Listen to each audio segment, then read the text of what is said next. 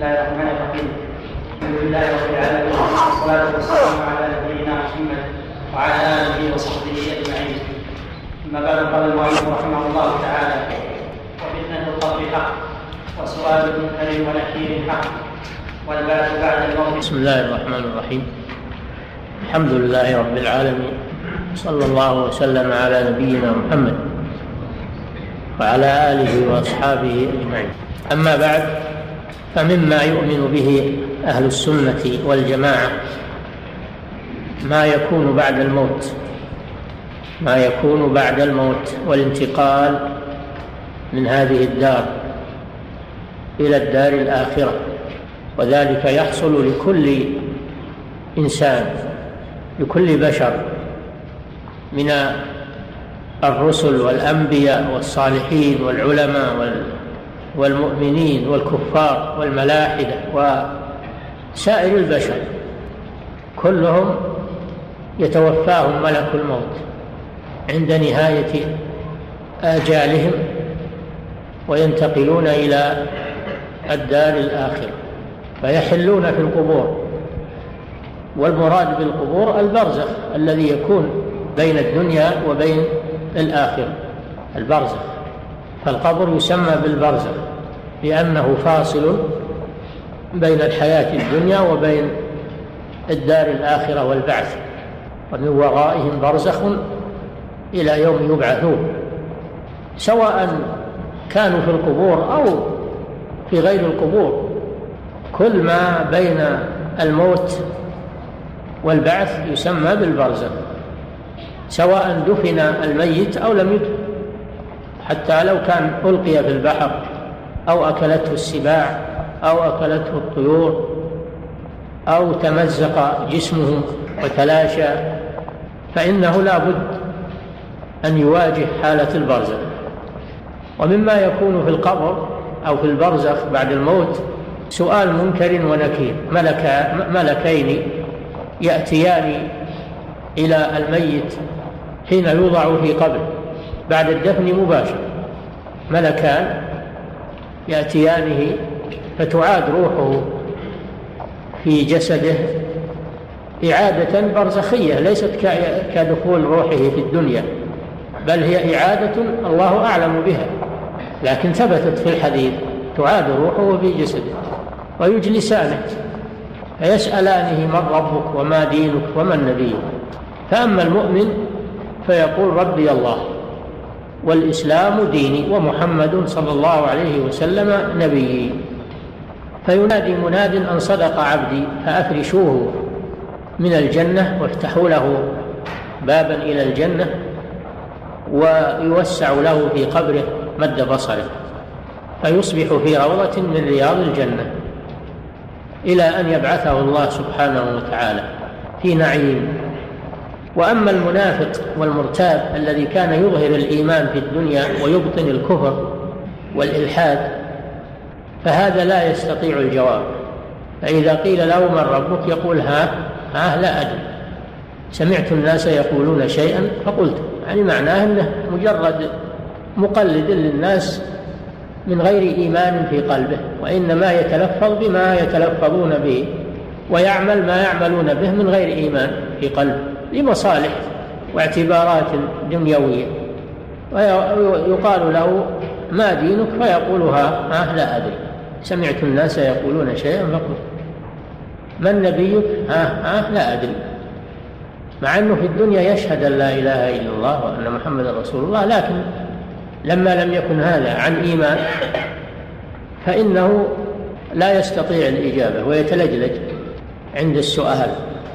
ومصداق ذلك في قوله تعالى يثبت الله الذين آمنوا بالقول الثابت في الحياة الدنيا وفي الآخرة ويضل الله الظالمين يفعل الله ما يشاء. فيقال له فينادي مناد أن كذب عبدي فأفرشوه من النار تحوله بابا إلى النار ويضيق عليه في قبره حتى تختلف أضلاعه ولا يزال في عذاب إلى أن يبعثه الله إلى منزله في الآخرة. فالقبر إما روضة من رياض الجنة وإما حفرة من حفر النار.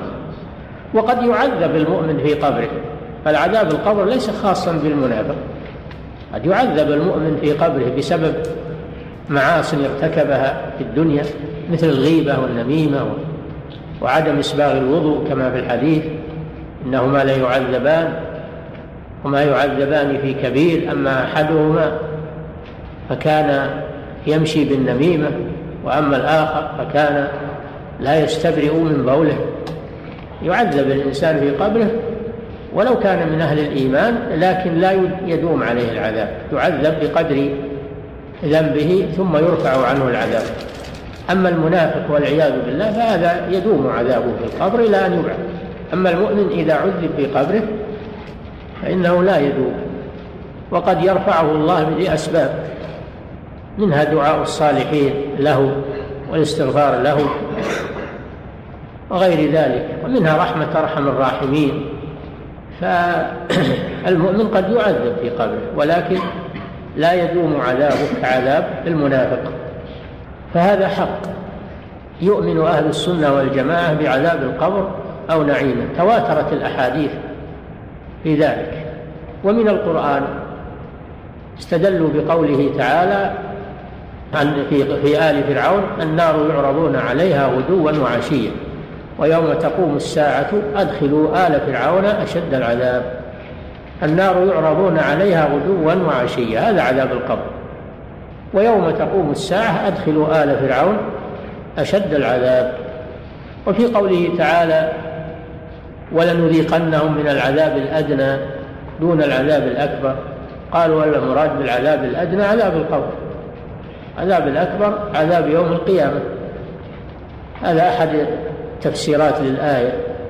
وأما الأحاديث فكثيرة في الصحاح غيرها تواترت عن رسول الله صلى الله عليه وسلم.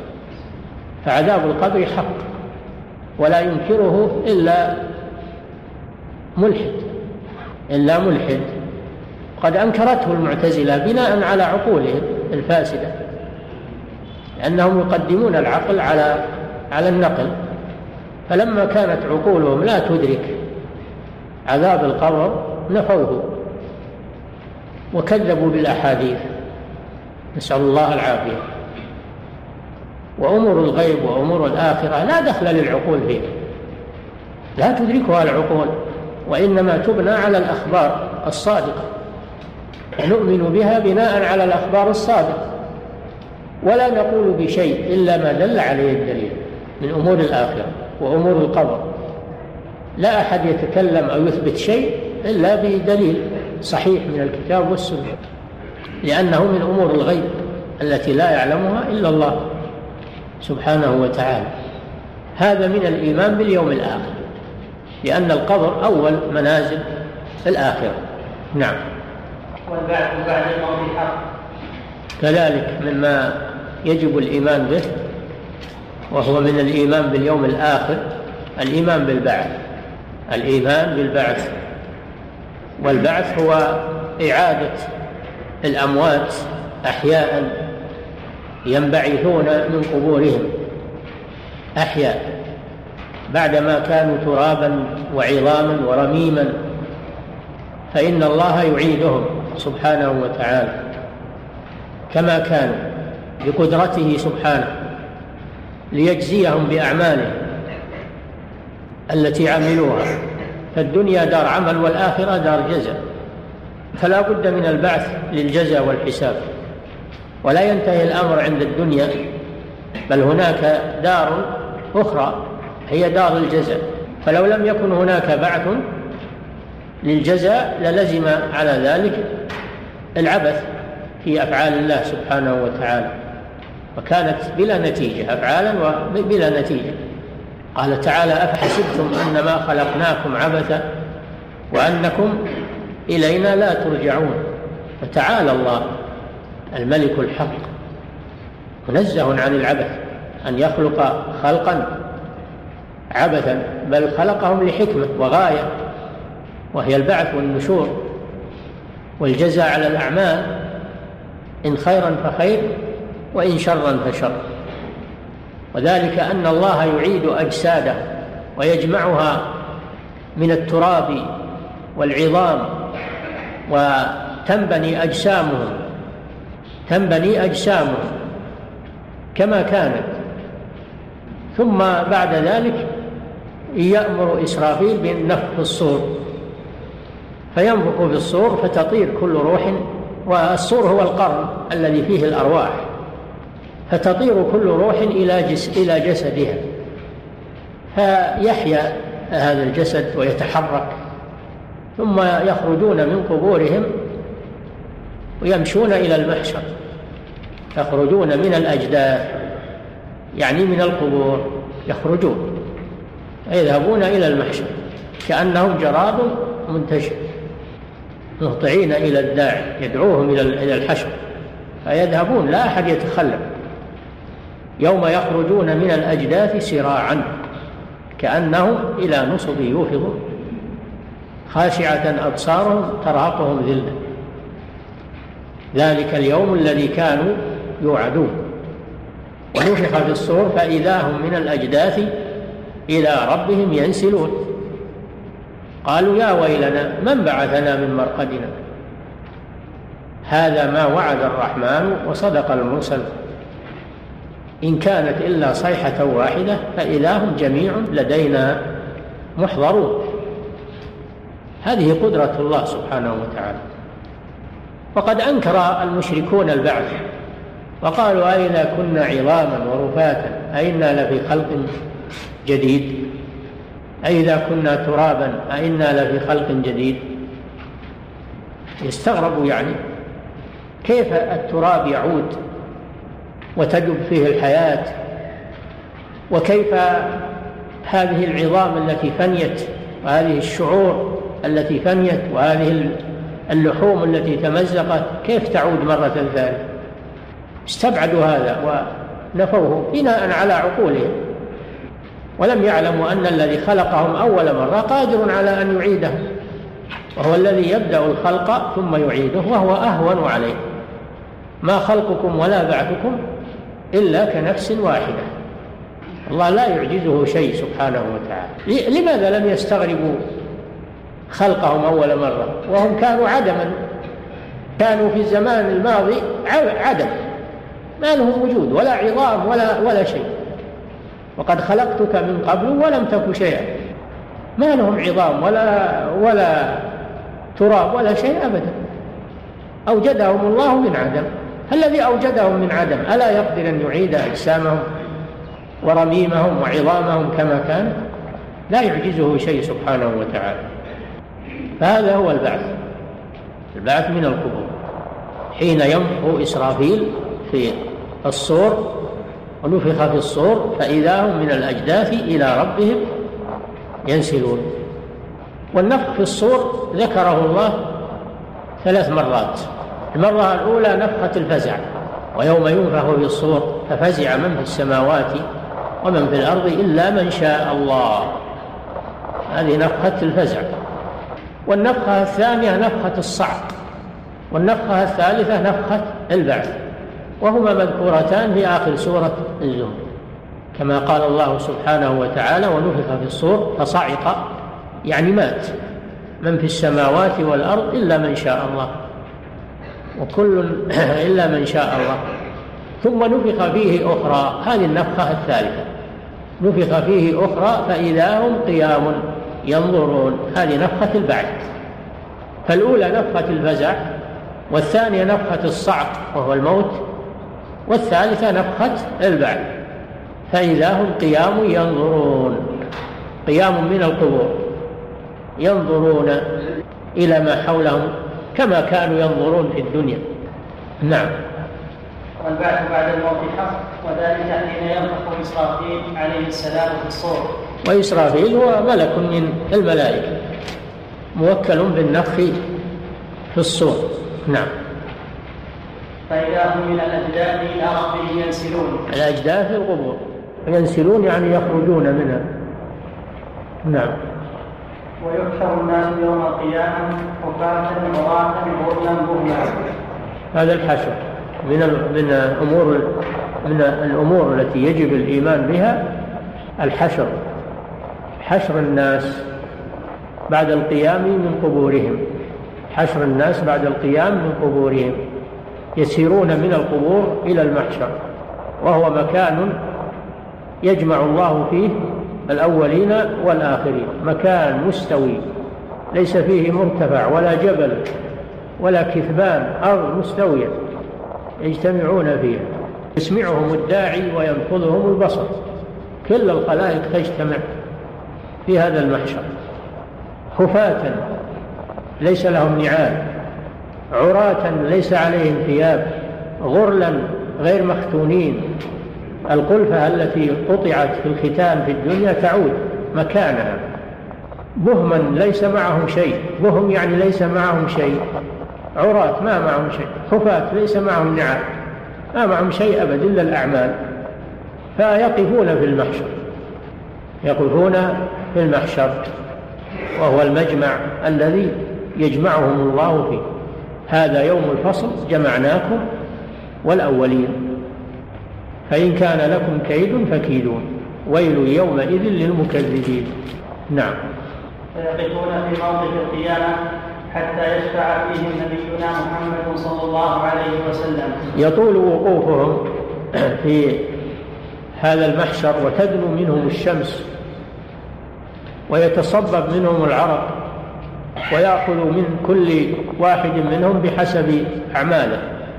فيصيبهم الحر الشديد والضنك الشديد والتعب الشديد من طول الموقف. خمسين ألف سنة.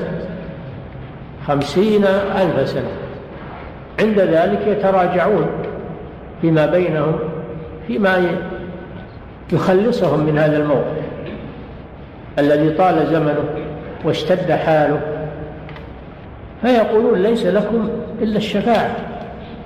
أحد يشفع لكم عند ربكم في أن يخلصكم من هذا الموقف. فيذهبون إلى آدم أبي البشر. فيطلبون منه الشفاعة إلى ربهم. وطلب الشفاعة من الحي القادر لا بأس. الحي القادر لا بأس أن تطلب منه أن يشفع لك عند ربك. بمعنى أن يدعو بمعنى أن يدعو لك عند ربك. طلب الدعاء شفاعة. فيعتذر آدم عليه السلام. يذهبون إلى نوح أول الرسل فيعتذر. ويذهبون إلى موسى فيعتذر. يذهبون إلى عيسى فيعتذر. يذهبون إلى إبراهيم عليه السلام فيعتذر. يذهبون في النهاية إلى محمد صلى الله عليه وسلم خاتم النبي. فهم طلبوا الشفاعة من أولي العزم الخمسة. آدم ونوح وإبراهيم وموسى وعيسى ومحمد صلى الله عليه وسلم. أولي العزم الخمسة وآدم عليه السلام أبوهم فالنبي صلى الله عليه وسلم يقول أنا لها فيقبل الشفاعة لهم عند الله. لكنه لا يشفع عند الله ابتداء إلا بإذن الله جل وعلا. لأن الله جل وعلا لا يشفع أحد عنده إلا بإذنه فيخر ساجدا ويدعو ربه ويتضرع إليه حتى يؤمر برفع رأسه حتى يؤمر برفع رأسه ويقال له سل تعطى. فيشفع للخلاق في فصل القضاء بينهم فيقبل الله شفاعته ثم يأتي سبحانه وتعالى لفصل القضاء بين عباده. يأتي بذاته سبحانه لفصل القضاء بين عباده. كما قال تعالى كلا إذا دكت الأرض دكا دكا وجاء ربك والملك صفا صفا. جاء لفصل القضاء بين عباده. وكما في قوله سبحانه هل ينظرون إلا أن يأتيهم الله في ظلل من الغمام والملائكة وقضي الأمر.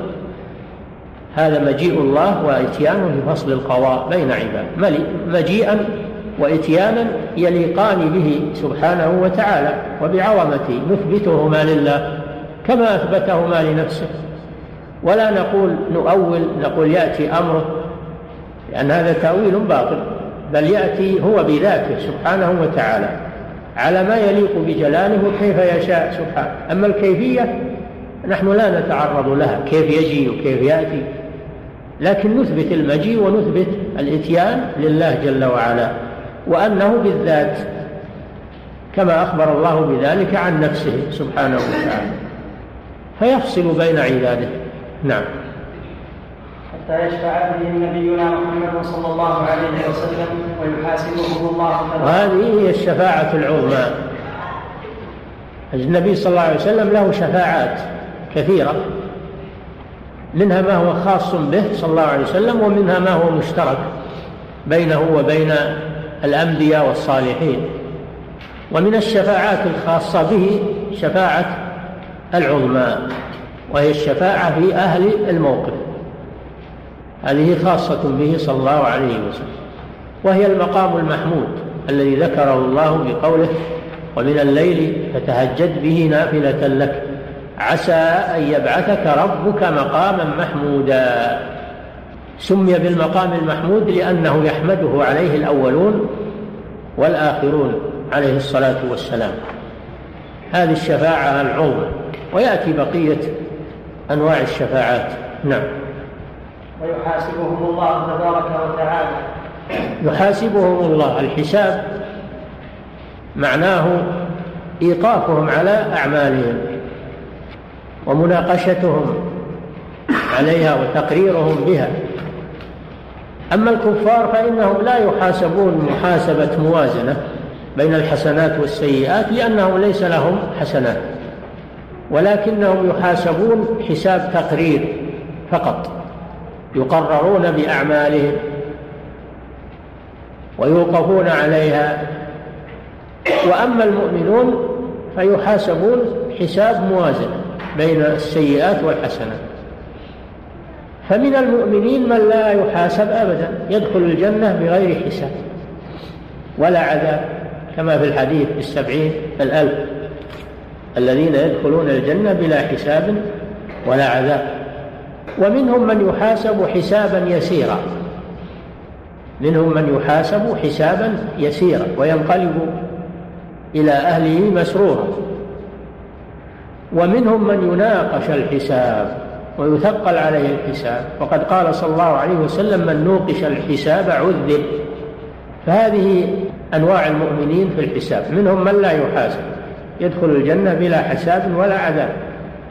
ومنهم من يحاسب حسابا يسيرا ومنهم من يحاسب حساب مناقشة ويدخل في في حقه الحساب وقد يعذب بذنوبه وأما الكفار فإنهم لا يحاسبون حساب موازنة بين الحسنات والسيئات لأنهم ليس لهم حسنات وإنما يحاسبون حساب تقرير.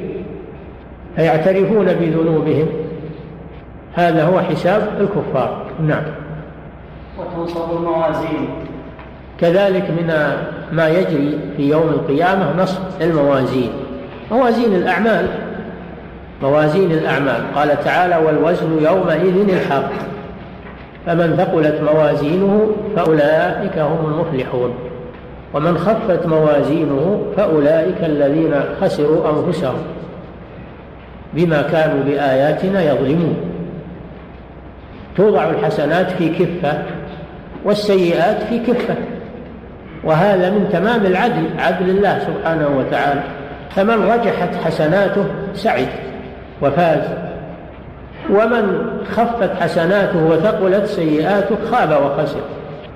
ومن خفت موازينه فأولئك الذين خسروا أنفسهم. فمن ثقلت موازينه فهو في عيشة راضية. وأما, وما وأما من خفت موازينه فأمه هاوية. وما أدراك ما هي؟ نار حامية.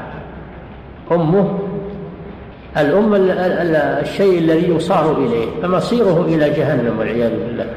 وقيل أمه أم, أم دماغ بمعنى أنه يسقط في النار على رأسه. أمه هاو والعياذ بالله. وهذا الوزن حقيقة. ميزان حقيقي حسي له كفتان كما جاء في الأحاديث. له كفتان. لكن الله أعلم بكيفيته لأنه من أمور الآخرة. لكن معناه معلوم. معناه معلوم. وهو أنه ميزان حقيقي له كفتان.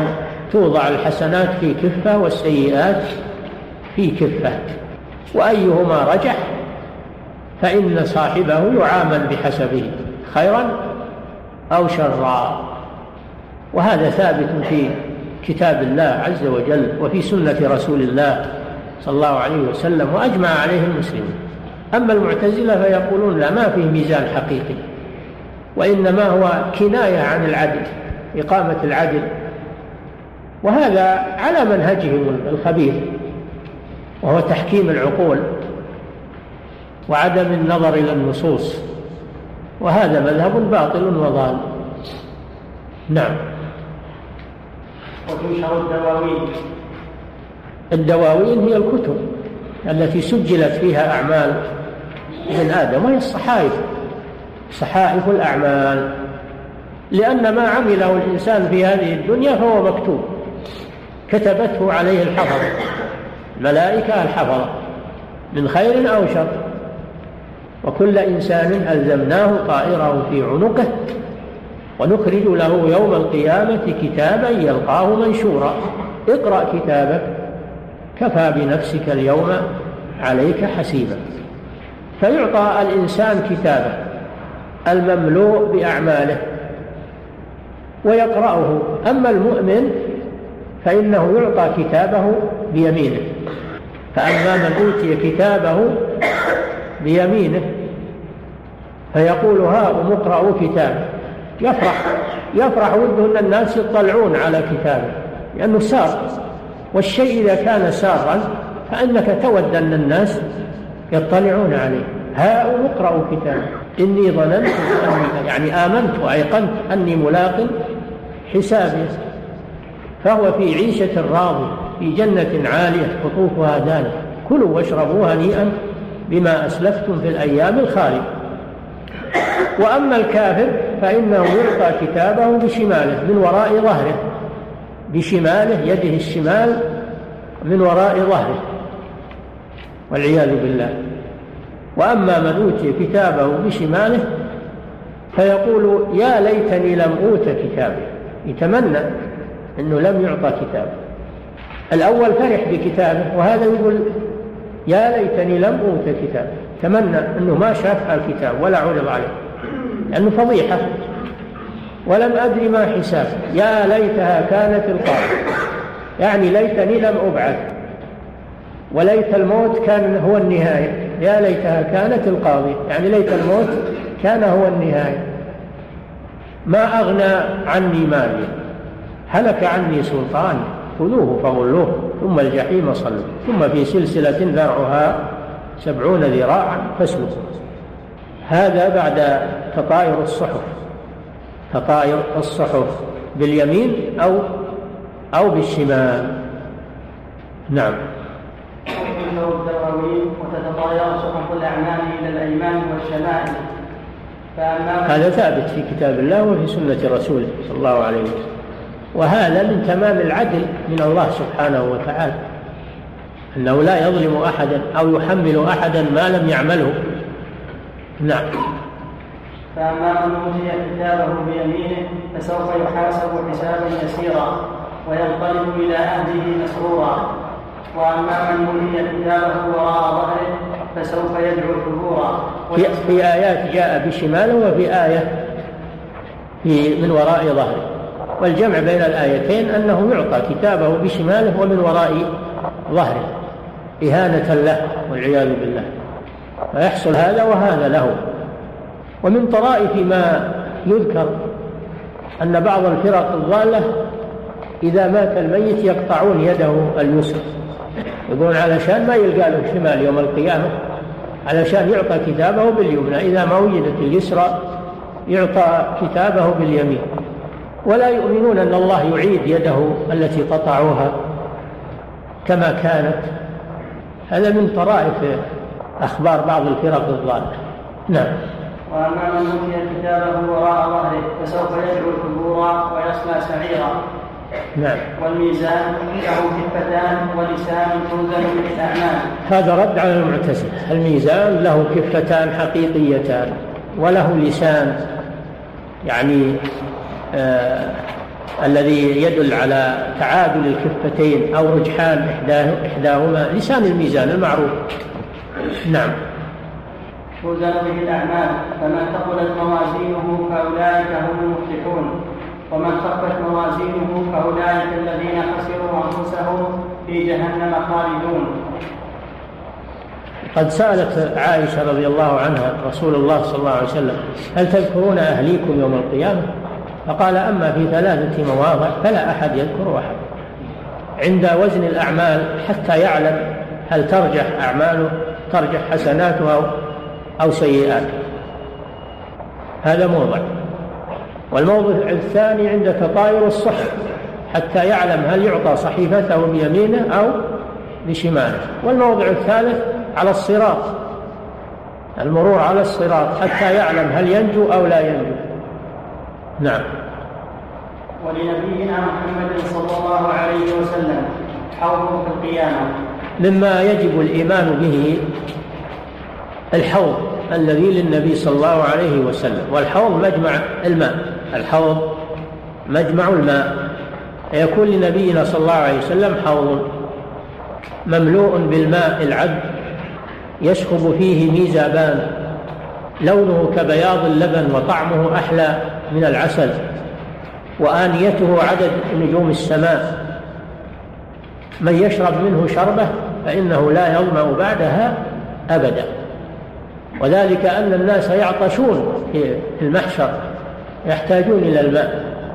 فأمة محمد صلى الله عليه وسلم ترد عليه الحوض فيشربون وهم أهل الإيمان الصحيح.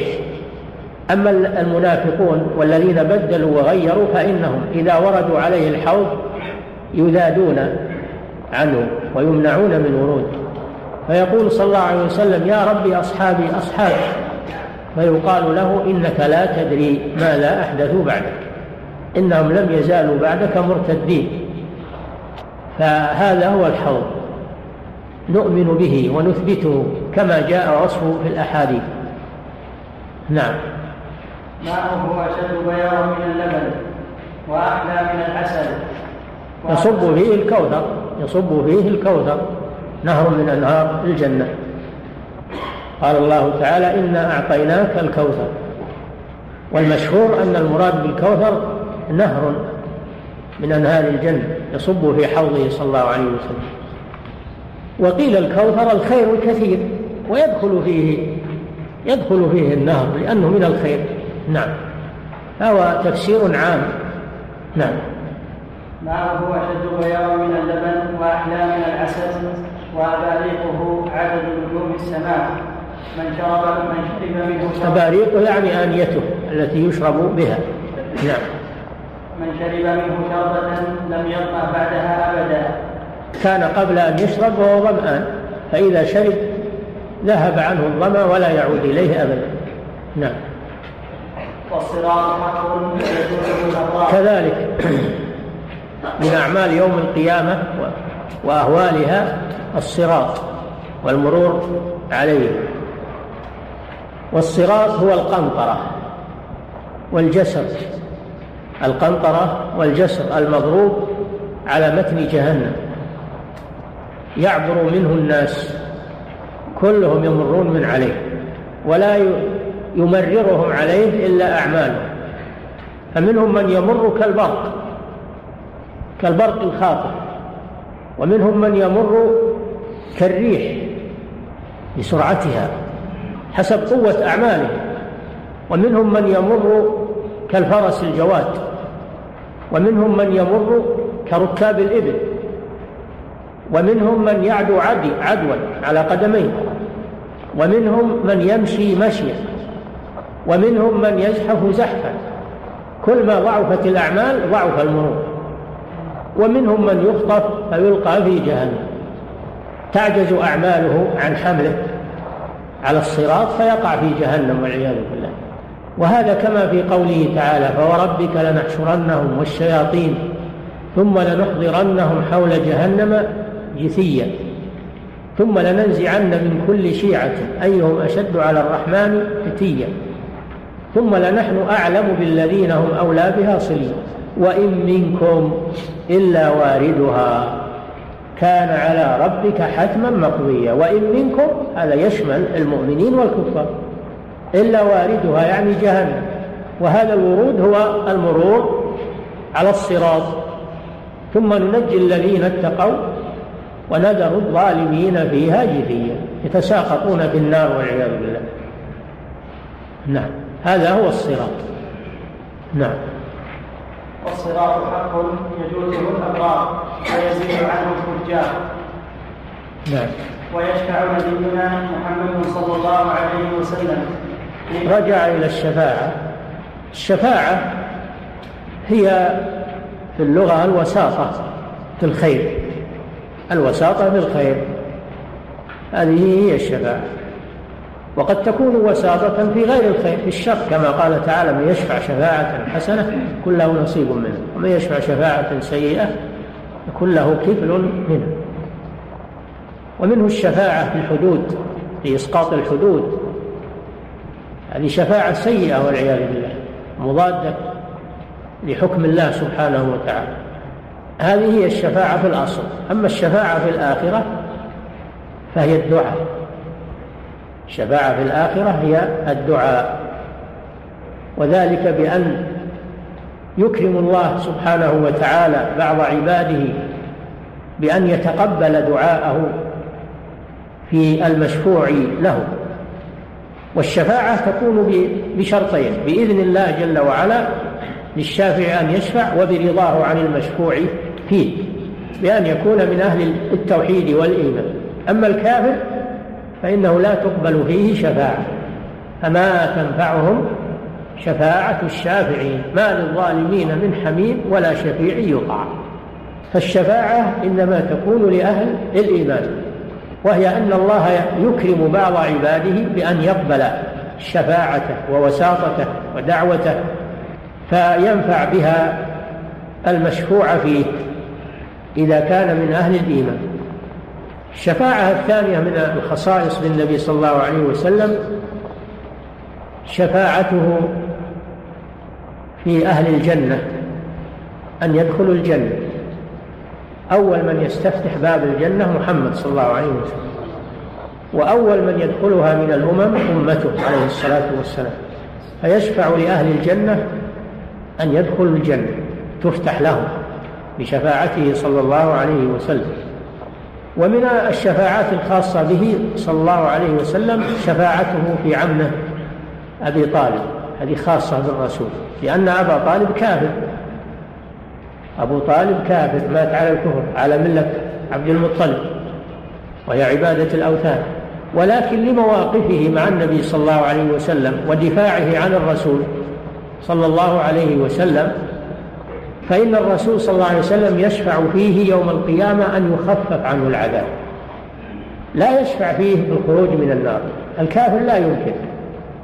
لكن يشفع في عمه أبي طالب في تخفيف العذاب عنه. فيكون في ضحضاح من النار أو يكون في أخمص قدمه جمرة من النار يغلي منها دماغه. ما يرى أن أحدا من أهل النار أشد عذابا منه مع أنه أهون أهل النار عذاب هذه شفاعة خاصة بالرسول صلى الله عليه وسلم وبأبي طالب. أما بقية الكفار فلا أحد يشفع فيهم ولا تنفعهم شفاعة الشافع ومن الشفاعات المشتركة الشفاعة في أهل الكبائر الذين استحقوا دخول النار. فيشفع صلى الله عليه وسلم هو والأنبياء والصالحون في هؤلاء ألا يدخلوا النار. وقد يقبل الله شفاعتهم فلا يدخلون. أو إذا دخلوا النار وعذبوا فيها يشفع في إخراجهم في إخراجهم منها. يشفع النبي صلى الله عليه وسلم ويشفع غيره من الأنبياء ويشفع إلى الله في إخراجهم من النار فيقبل الله شفاعتهم ويخرجهم من النار. وهذه خاصة بأهل الإيمان. نعم. ويشفع نبينا محمد صلى الله عليه وسلم في من دخل النار من أمته من أهل الكبائر فيخرجون بشفاعته بعدما احترقوا وصاروا فحما وحمما. الخوارج والمعتزلة ينفون هذه الشفاعة. الشفاعة في أهل الكبائر ينفونها لأنهم يحكمون على مرتكب الكبيرة بالكفر. فلا تنفعه الشفاعة عندهم. ويقولون من دخل النار لا يخرج منه. وهذا مذهب باطل. هذا مذهب باطل. بل من دخل النار من أهل التوحيد وأهل الإيمان فإنه يخرج منها ولا يخلد فيها. أبدا. إنما يخلد في النار أهل الكفر والشرك والعياذ بالله. أما أهل التوحيد المذنبون وأصحاب الكبائر فإنهم وإن دخلوا النار بذنوبهم فإنهم لا يخلدون. بل يخرجون منها إما بشفاعة الشافعين وإما برحمة أرحم الراحمين وإما بنهاية عذابهم. عذابهم ينتهي مقدر ينتهي. يخرجون من النار كالفحم محترقين. يخرجون من النار كالحمم يعني كالفحم أو كالشيء الأسود من الاحتراق فيلقون في نهر.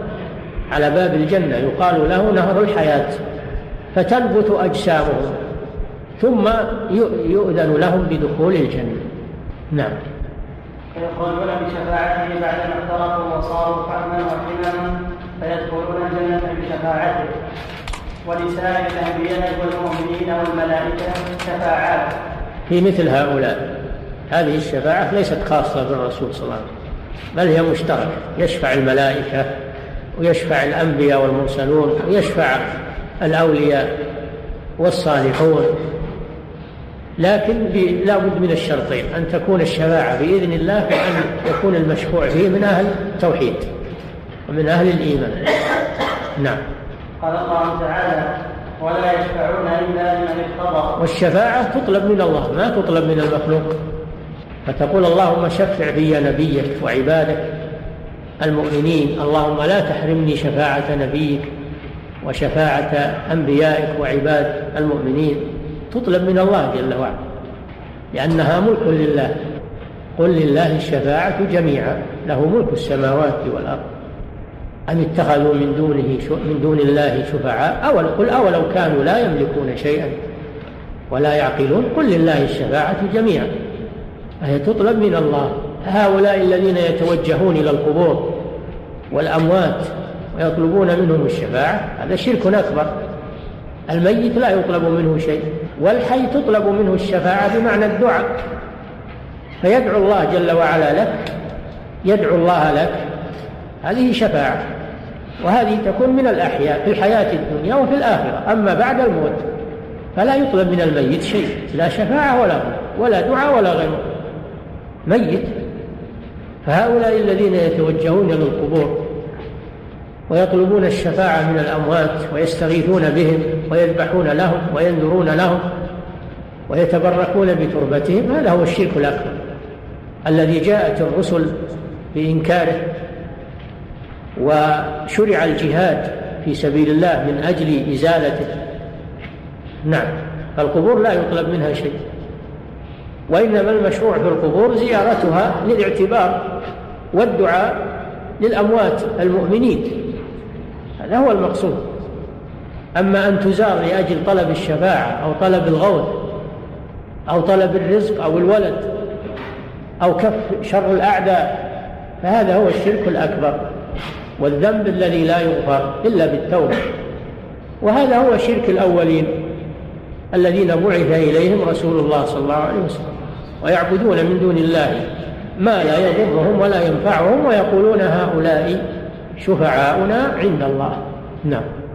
قال الله تعالى ولا يشفعون إلا لمن ارتضى وهم من خشيته مشركون الملائكة يعني. هذا فيه إثبات الشفاعة للملائكة.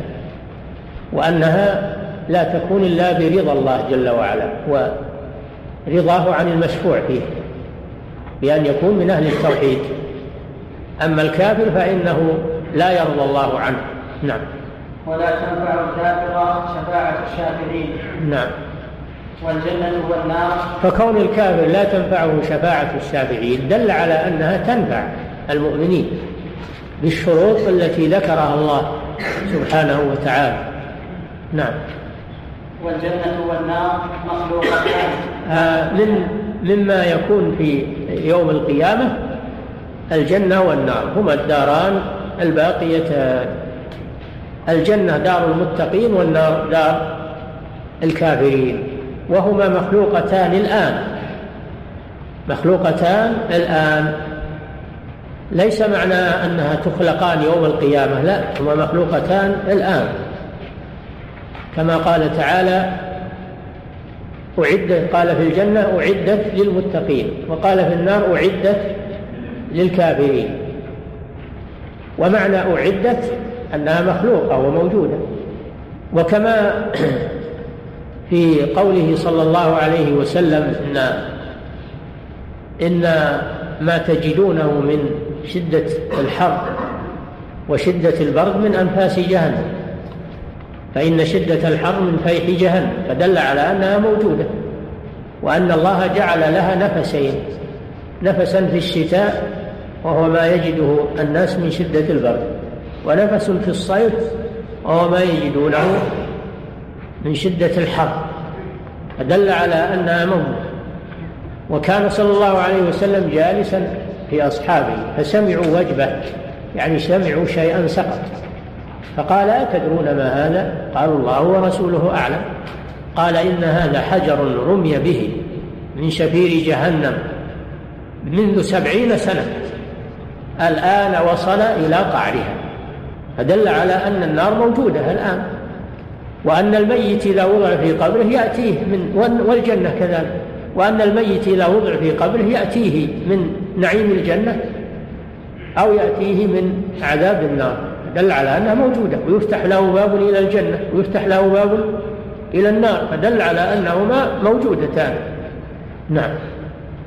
ويجب الإيمان بذلك. أنهما موجودتان الآن وأن القول بأنهما تخلقان يوم القيامة قول باطل وكذلك لا تفنيان ولا تبيدان أبدا. الجنة والنار لا تفنيان ولا تبيدان أبدا. لا في فهما موجودتان في الماضي ويستمر وجودهما إلى الأبد. لا تفنيان ولا تبيدان. وأهلهما مخلدون فيهما. أهل الجنة مخلدون في الجنة وأهل النار مخلدون في النار. نعم. والجنة والنار مخلوقتان لا تثنيان. نعم. فالجنة مأوى أوليائه والنار عقاب لأعدائه وأهل الجنة دار جزاء. دار جزاء. الجنة جزاء لأوليائه والنار عقاب لأعدائه. وجزاء على كفرهم. نعم. وأهل الجنة فيها مخلدون. إن المجرمين في عذاب جهنم خالدون. لا يفتر عنهم وهم فيه مبلسون. هذا من الأدلة على بقاء النار واستمرارها إن المجرمين في عذاب جهنم خالدون. والخلود معناه المكث الدائم الذي لا ينقطع. لا يفتر عنهم وهم فيه مبلسون آيسون من رحمة الله. وما ظلمناهم ولكن كانوا هم الظالمين. ونادوا يا مالك مالك خازن النار ليقضي علينا ربك. طلبوا من مالك أن يشفع لهم عند الله في القضاء عليهم ومفارقة الحياة حتى يستريحوا. شوفوا يتمنون الموت. الموت أمنيتهم والعياذ بالله. يقضي علينا ربك. فما كان الجواب؟ قال إنكم ماكثون. يعني باقون أبد الآباد حتى ييأسوا والعياذ بالله. نعم. ويؤتى بالموت في صورة كبش أملح فيذبح بين الجنة والنار. إذا دخل أهل الجنة الجنة وأهل النار النار. يؤتى بالموت في صورة كبش أملح فيذبح بين الجنة والنار. فيقال يا أهل الجنة خلود ولا موت ويا أهل النار خلود ولا موت. فحينئذ ييأس أهل النار من الخروج منها ومن الاستراحة منها. ما في موت. المراد بالموت هنا ما هو ملك الموت. ملك الموت لا لا, لا يموت ولا يقتل. هذا ملك الموت. لكن الموت الموت يتصور يوم القيامة فيكون في صورة كبش. الموت نفسه يكون في صورة كبش. والله قادر سبحانه على أن يجعل الأشياء المعنوية أعيانا وأشخاصا. قادر على ذلك سبحانه وتعالى. نعم. فيذبح بين الجنة والنار ثم يقال يعني انتهى الموت انتهى مفعوله. فحينئذ يذبح يعني يقضى عليه ينتهي. نعم. ثم يقال يا أهل الجنة خلود ولا موت. ويا أهل النار خلود ولا موت. نعم. ومحمد رسول الله صلى الله عليه وسلم خاتم النبيين وسيد المرسلين. يكفي نقف عند هذا. انتهى البحث في الإيمان باليوم الآخر وما يكون في اليوم الآخر من الأهوال العظيمة والمخاطر العظيمة. ومعرفة المسلم بذلك رحمة به من أجل أن يستعد. ولا يفجأه الأمر وهو ما درى عن شيء. هذا من رحمة الله نبين لنا كل ما أمامنا بالتفصيل والإيضاح حتى كأننا نشاهده من أجل أن نأخذ حذرنا ونستعد ونستعد لذلك. ولا يبقى لأحد حج يقول أنا ما دريت. هذه هي الحكمة من إخبار الله. بتفاصيل اليوم الآخر وما يجري فيه. الرحمة بالعباد. لئلا يقولوا يوم القيامة إننا ما ما درينا ولا بلغنا ولا ولا حسبنا حسابنا إننا سنرد على هذه المهالك كل إنسان يعرفها بالتفصيل. نعم. فضيلة الشيخ وفقكم الله. هل يقال إن الله سبحانه وتعالى يحيا بذاته وفي النزول ينزل بذاته. أم لا؟ النزول ينزل بذاته والمجيء بذاته سبحانه وتعالى والإتيان بذاته. نعم. هذا لا شك فيه. أو يجي أمره أو ينزل أمره كما يقول أهل البدع لا. أما أنه يحيا بذاته السؤال ما له داعي. السؤال ما الله جل وعلا حي ما يقال يحيا يقال حي. وصفه الحياة الدائمة. سبحانه وتعالى. ليس لها بداية. إذا قلت يحيا معناه أنه صار له بداية. نعم. فضيلة الشيخ وفقكم الله ما هو التوفيق بين قوله سبحانه في يوم كان مقداره خمسين ألف سنة وقوله في يوم مقداره ألف سنة مما تعدون هذا في العروج إلى الله جل وعلا. العروج إلى الله. تعرج الملائكة يعني تصعد. تعرج الملائكة والروح إليه في يوم كان مقداره خمسين ألف سنة. وفي الآية الأخرى تعرج الملائكة والروح في يوم كان مقداره ألف سنة مما تعدون. هذا في عروج الملائكة والمسافة التي يقطعونها. وتقديرهم خمسين ألف سنة. وفي آية أخرى بألف, بألف سنة. الله أعلم بالمراد بذلك. وبعضهم يقول هذا بحسب اختلاف السير لأن السير منه ما هو بطيء ومنه ما هو سريع حسب اختلاف السير.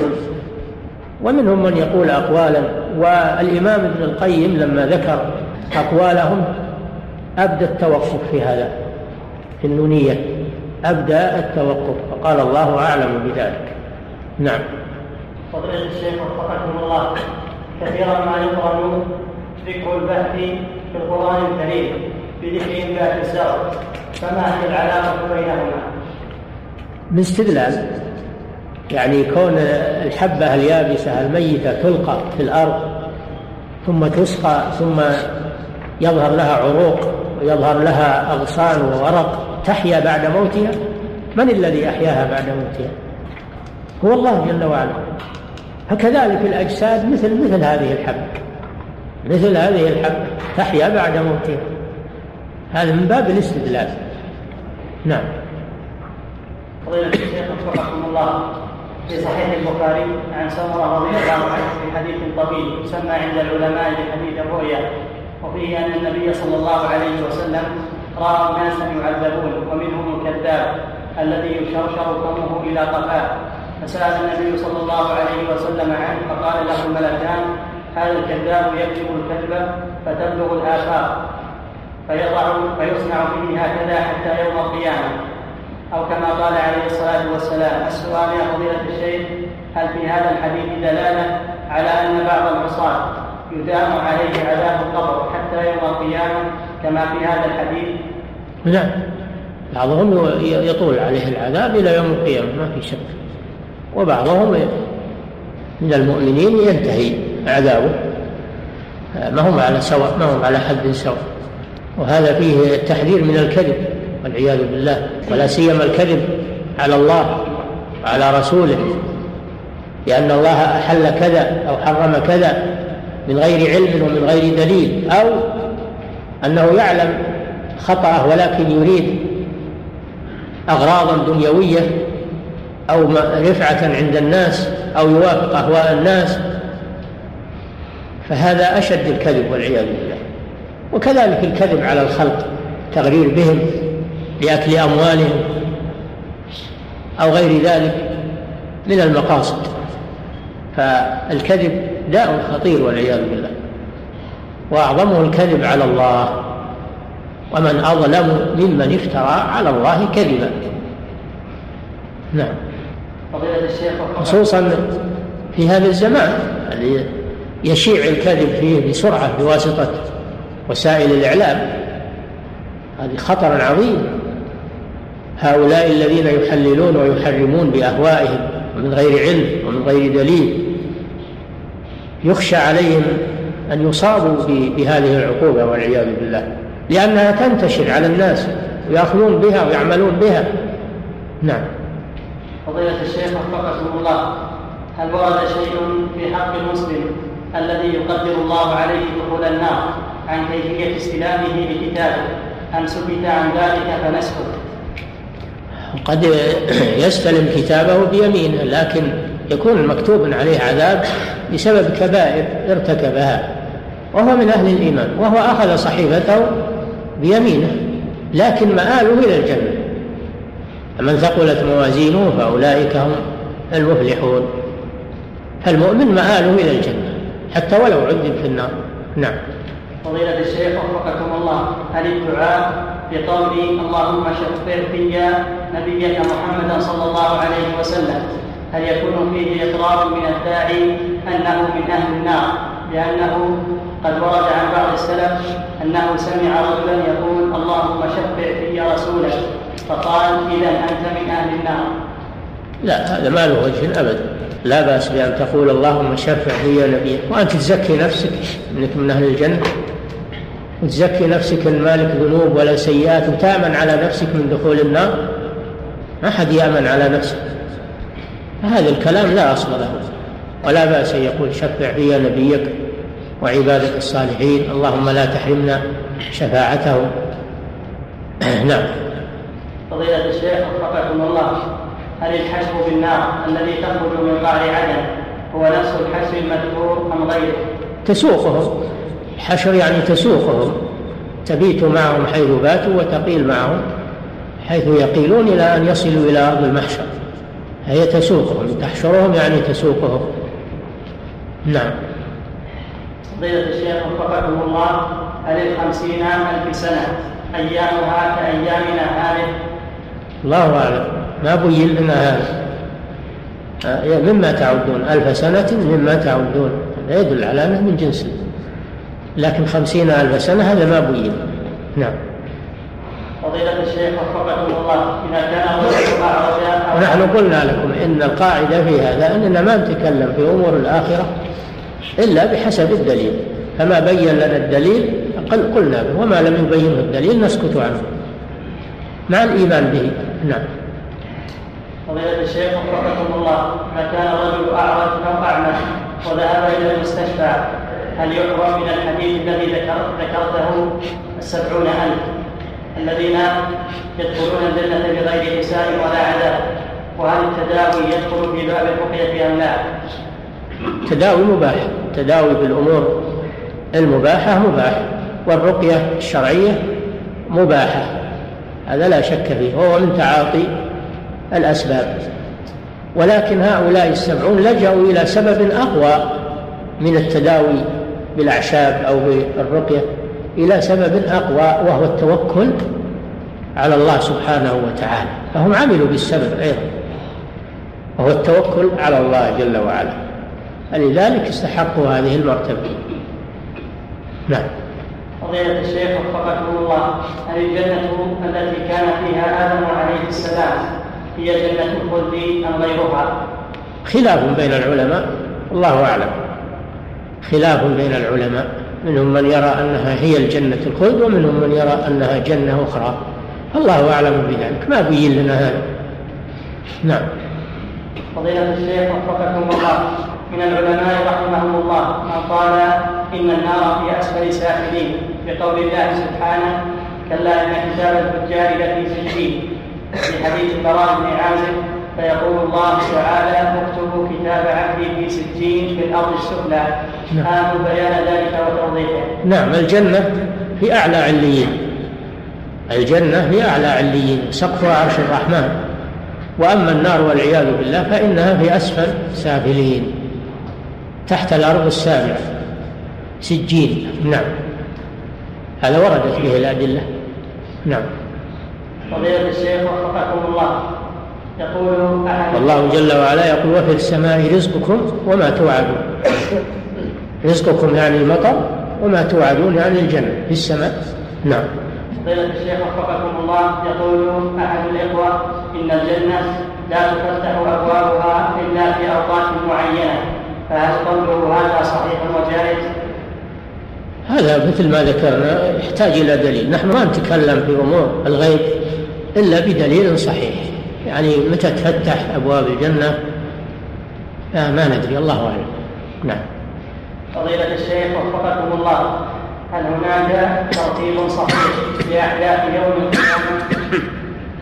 بلا شك الترتيب الذي ذكره المصنف هذا مستوحى من الأدلة. أولا البعث من القبور. ثانيا الحشر القيام في المحشر وثالثا الحساب. رابعا الميزان.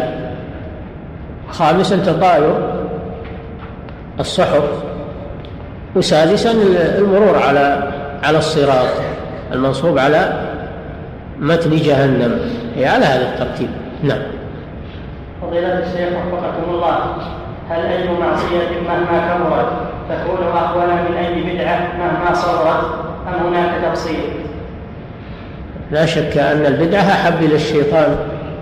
من المعصية لأن العاصي توقع منه أن يتوب وأن يندم ويعرف أنه مخطئ. العاصي يعرف أنه مخطئ لكن غلبه الهوى أو الشهوة وقريبا ما يتندم ويرجع لأنه يعرف أنه مخطئ. ولكن المبتدع والعياذ بالله يرى أنه مصيب وأن عمله صحيح فلا يتوب إلى الله عز وجل. من هذا الوجه كانت البدعة أشد. من المعصية وأحب إلى الشيطان من المعصية. نعم. فضيلة الشيخ وفقكم الله. هناك من يدعي إيمان فرعون لأنه شهد ونطق بالشهادة ويقول إن ورود النار يكون لأهل فرعون لا لفرعون نفسه وأن الله قد أنجاه والنجاة واقعة على بدنه وروحه معا بسبب نطقه وشهادته فكيف نرد عليه؟ هذا كلام باطل. فرعون والعياذ بالله مات على الكفر. ونطقه بالشهادة عند الموت ما ينفعه. إذا لما عاين الموت والتوبة ما تنفع عند الغرغرة لا فرعون ولا غيره. عند الغرغرة الآن وقد عصيت. الآن استنكارا. قد عصيت قبل وكنت من المفسدين. وإن جاءوا إن جاءوا بدنه ما هو علشان إنه مؤمن علشان يعتبر جماعة فيه ويرون بنو إسرائيل ينظرون إليه ينظرون إلى عدوهم وقد أهلكه الله فتقر عيونهم بذلك. هذا يعني سبب إنجاء جثته يراه بنو إسرائيل. هذا الرجل الذي عذبهم وسامهم سوء العذاب يرونه أمامهم جثة هامدة تقر أعينهم بذلك ويقوى يقينهم وإيمانهم بالله عز وجل. اليوم ننجيك ببدنك لتكون لمن خلفك آية يعني علامة على قدرة الله عز وجل وأيضا علامة على أنه مات لئلا يقولوا أنه ذهب إلى كذا أو ذهب إلى كذا فيروه أنه مات صحيح؟ نعم. وآل فرعون يدخل فيهم فرعون. يدخل فيهم فرعون. دخولا أوليا. نعم. آل فرعون يعني أتباعه وهو يدخل. المتبوع لا شك أنه داخل مع المتبوعين في الضلال والكفر والعذاب. قال تعالى اتبعوا أمر فرعون وما أمر فرعون برشيد. يقدم قومه يوم القيامة فأوردهم النار وبئس الورد المورود. وأتبعوا في هذه لعنة ويوم القيامة. بئس الرفد المرفود. نعم. فضيلة الشيخ وفقكم الله. ما حكم تسمية النبي صلى الله عليه وسلم بسيد الوجود؟ ما له أصل ما له دليل. هذا سيد بني آدم هذا هو الثابت. يقول صلى الله عليه وسلم أنا سيد ولد آدم ولا فخر. هذا هو الثابت عنه صلى الله عليه وسلم. فنقول هو سيدنا هو سيد ولد آدم عليه الصلاة والسلام. أما سيد الوجود هذا هو الله جل وعلا. مالك الوجود السيد يطلق على المالك والخالق. سيد الوجود هو الله جل وعلا وهو المالك وهو الرب سبحانه وتعالى. نعم. فهذا من من الغلو في حقه. صلى الله عليه وسلم. نعم. فضيلة الشيخ وفقكم الله هل القبور التي مر عليها أكثر من مئة سنة وهي متفرقة بين المساجد يجوز تسويتها والانتفاع من مكانها في زراعة أو غيره. ما دام معلوم أنها قبور؟ لا يجوز. ما دام معلوم أنها مقبرة؟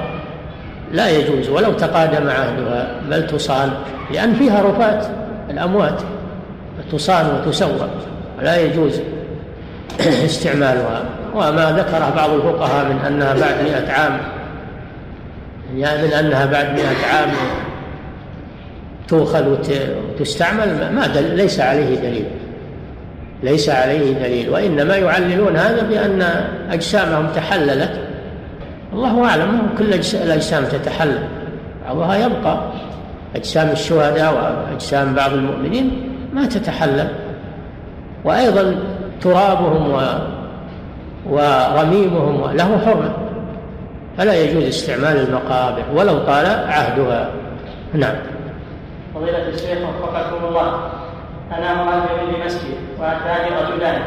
أحدهما قارئ للقرآن قراءة ممتازة ولكنه مسبل لثيابه حامق للحيته والثاني قراءته ضعيفة ولكنه لا يلحن في القراءة. وهذا الرجل معفيا باللحية مقصرا للثوب. فأيهما أقدم؟ الذي لا يلحن في القرآن هذا حصل به المطلوب والمطلوب عدم اللحن في القرآن. فإذا كان يجيد القراءة ولا يلحن فيها فهذا يقدم لتمسكه بالسنة ولأنه يكون قدوة حسنة. أما الأول ما يكفي أن صوته جميل وأنه يعرف أحكام التجويد هذا ما يكفي لأنه مظهره مظهر سيء ويكون قدوة سيئة لغيره. نعم فيقدم المتمسك والحمد لله. إذا كان ما يلحن في القرآن هذا هو المطلوب. وأما التجويد هذا شيء زايد. محسنات إن حصلت فلا فلا بأس وإن ما حصلت ما هي ضرورية. نعم. فضيلة الشيخ وفقكم الله وردت الأذكار المشروعة بعد الصلاة عن النبي صلى الله عليه وسلم. اللهم لا مانع لما أعطيت ولا معطي لما منعت ولا ينفع ذا الجد منك الجد. فأرجو من فضيلتكم توضيح هذا الدعاء. واضح. هذا مثل قوله تعالى ما يفتح الله للناس من رحمة فلا ممسك له وما يمسك فلا مرسل له من بعده. فالله جل وعلا لا أحد يمنع عطاءه ولا أحد يعطي ما ما منع سبحانه وتعالى. هذا واضح. ولا ينفع ذا الجد عن الغنى. المراد بالجد هنا الغنى. لا ينفع الغني غناه من الله سبحانه وتعالى. كما في قوله وما أموالكم ولا أولادكم بالتي تقربكم عندنا زلفى. نعم. الله تعالى أعلم وصلى الله وسلم على نبينا محمد.